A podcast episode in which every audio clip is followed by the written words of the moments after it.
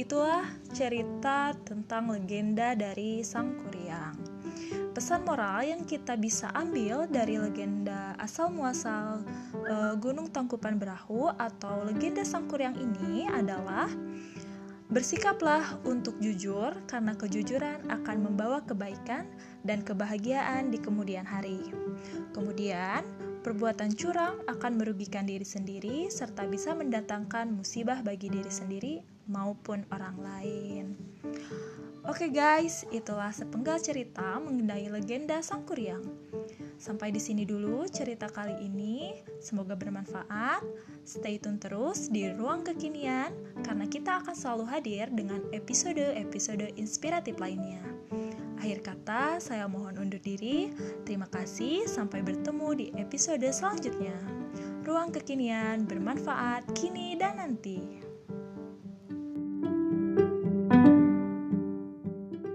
Alkisah, pada zaman dahulu, seekor babi tengah melintas di sebuah hutan belantara. Babi hutan itu sedang merasa kehausan di tengah panasnya terik matahari. Pada saat dia mencari-cari mata air, dia melihat ada air yang tertampung di pohon keladi hutan. Segera diminumnya air itu melepas dahaga. Tanpa disadarinya, air itu adalah air seni Raja Sungging Perbangkara. Karena kesaktian Raja Sungging Perbangkara, babi hutan itu pun mengandung setelah meminum air seninya. Sembilan bulan kemudian, si babi hutan melahirkan seorang bayi perempuan. Raja Sungging Perbangkara mengetahui perihal adanya bayi perempuan yang terlahir karena air seninya itu. Ia pun pergi ke hutan untuk mencarinya. Ditemukannya bayi perempuan itu. Dia pun memberinya nama Dayang Sumbi dan membawanya pulang ke istana kerajaan. Dayang Sumbi tumbuh menjadi perempuan yang sangat cantik wajahnya.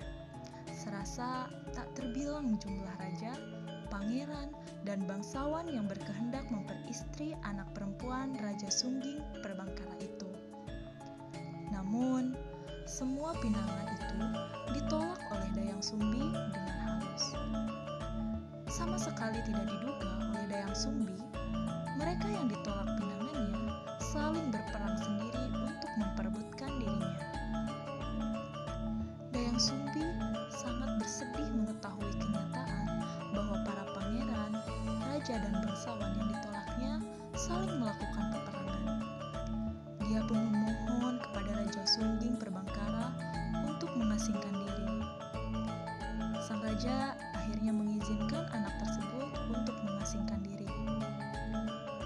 Sumbi mengasingkan diri di sebuah bukit ditemani oleh seekor anjing jantan yang bernama Si Tumang.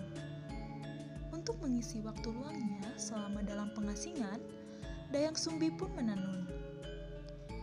Alkisah, ketika Dayang Sumbi sedang menenun, peralatan tenunannya terjatuh.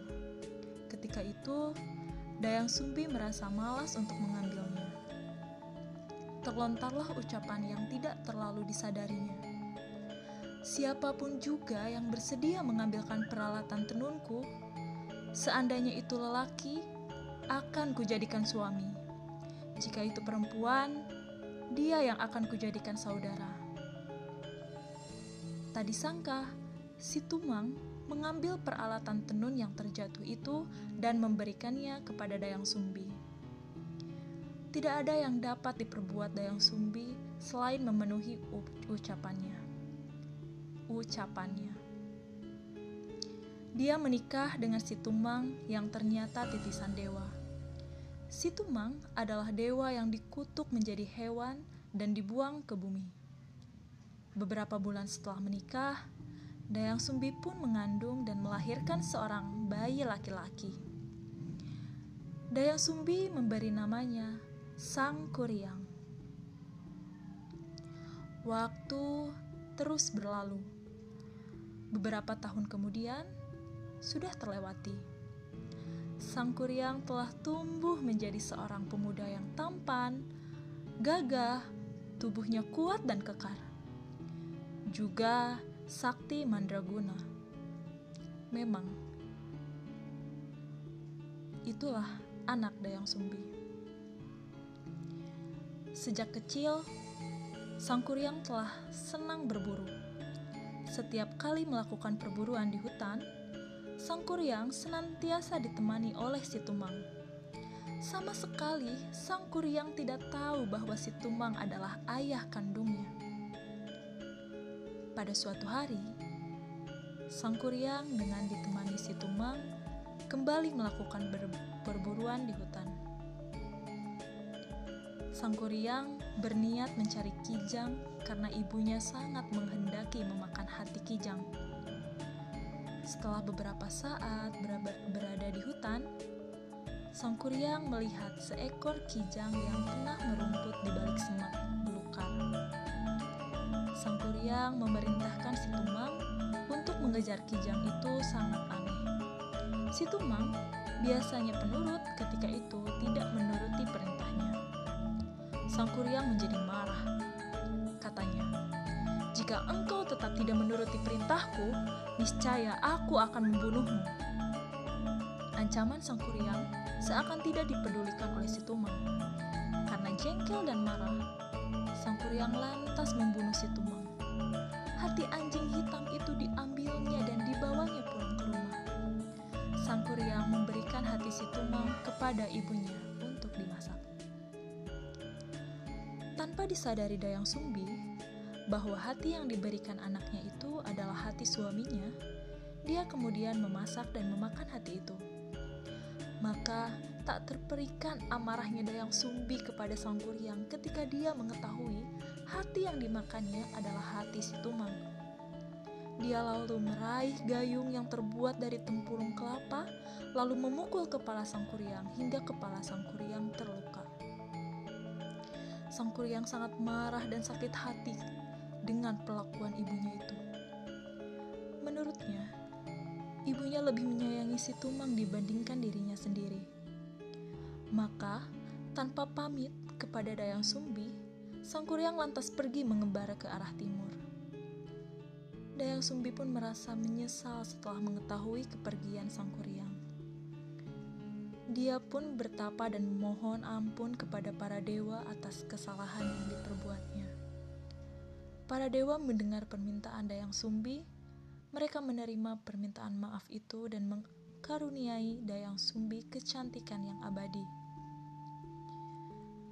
Syahdan, Sang Kuryang terus mengembara tanpa tujuan yang pasti.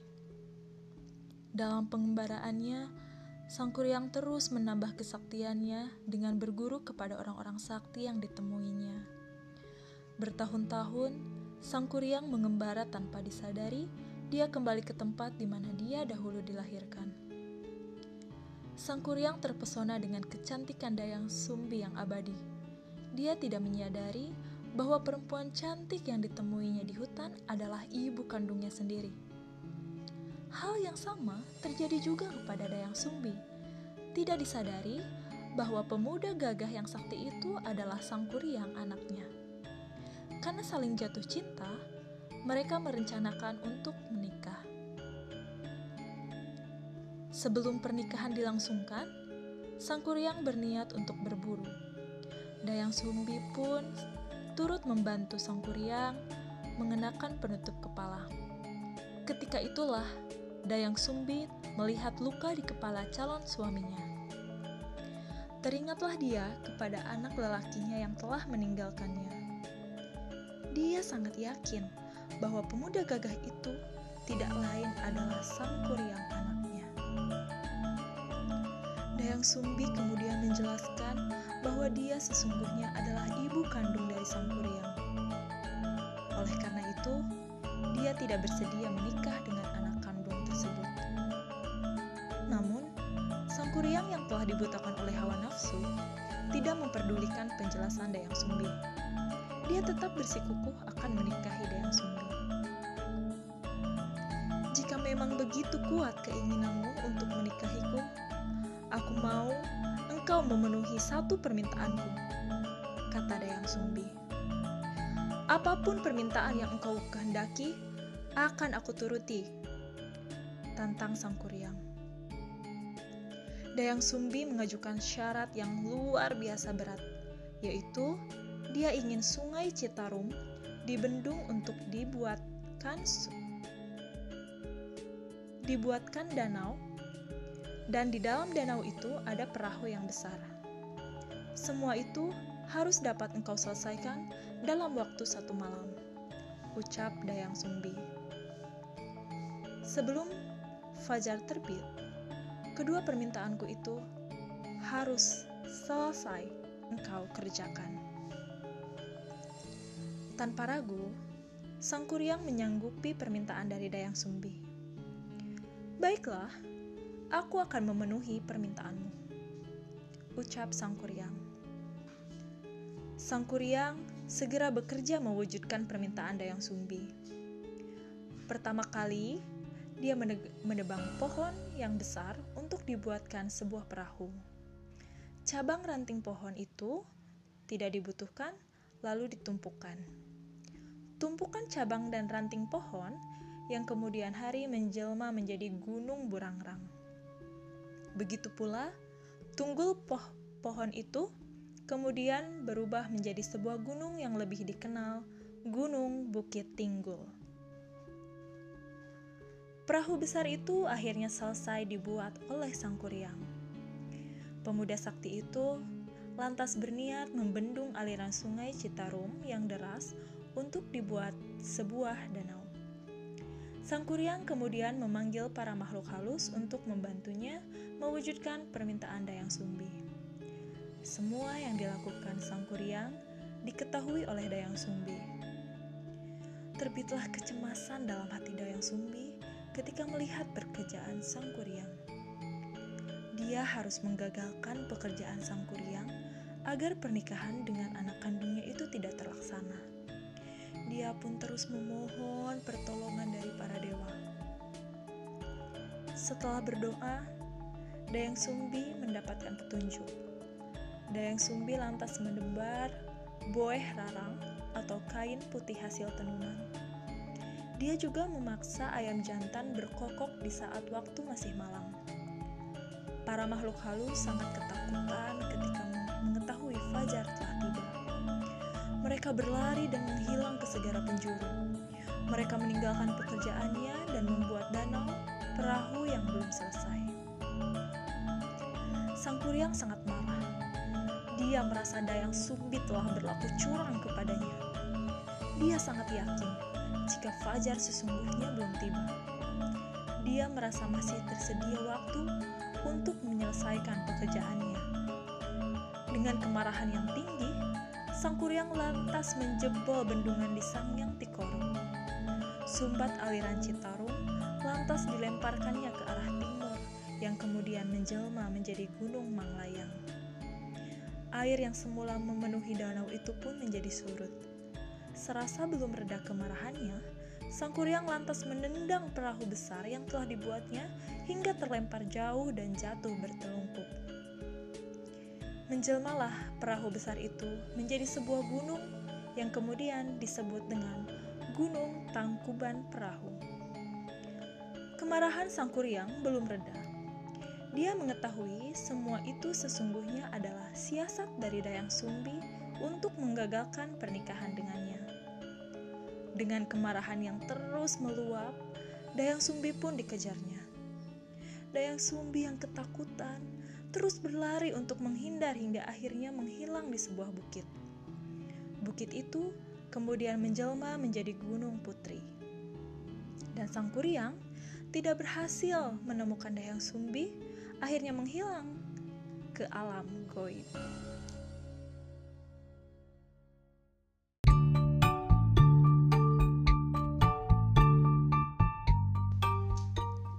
Halo guys, selamat datang di ruang kekinian bermanfaat kini dan nanti.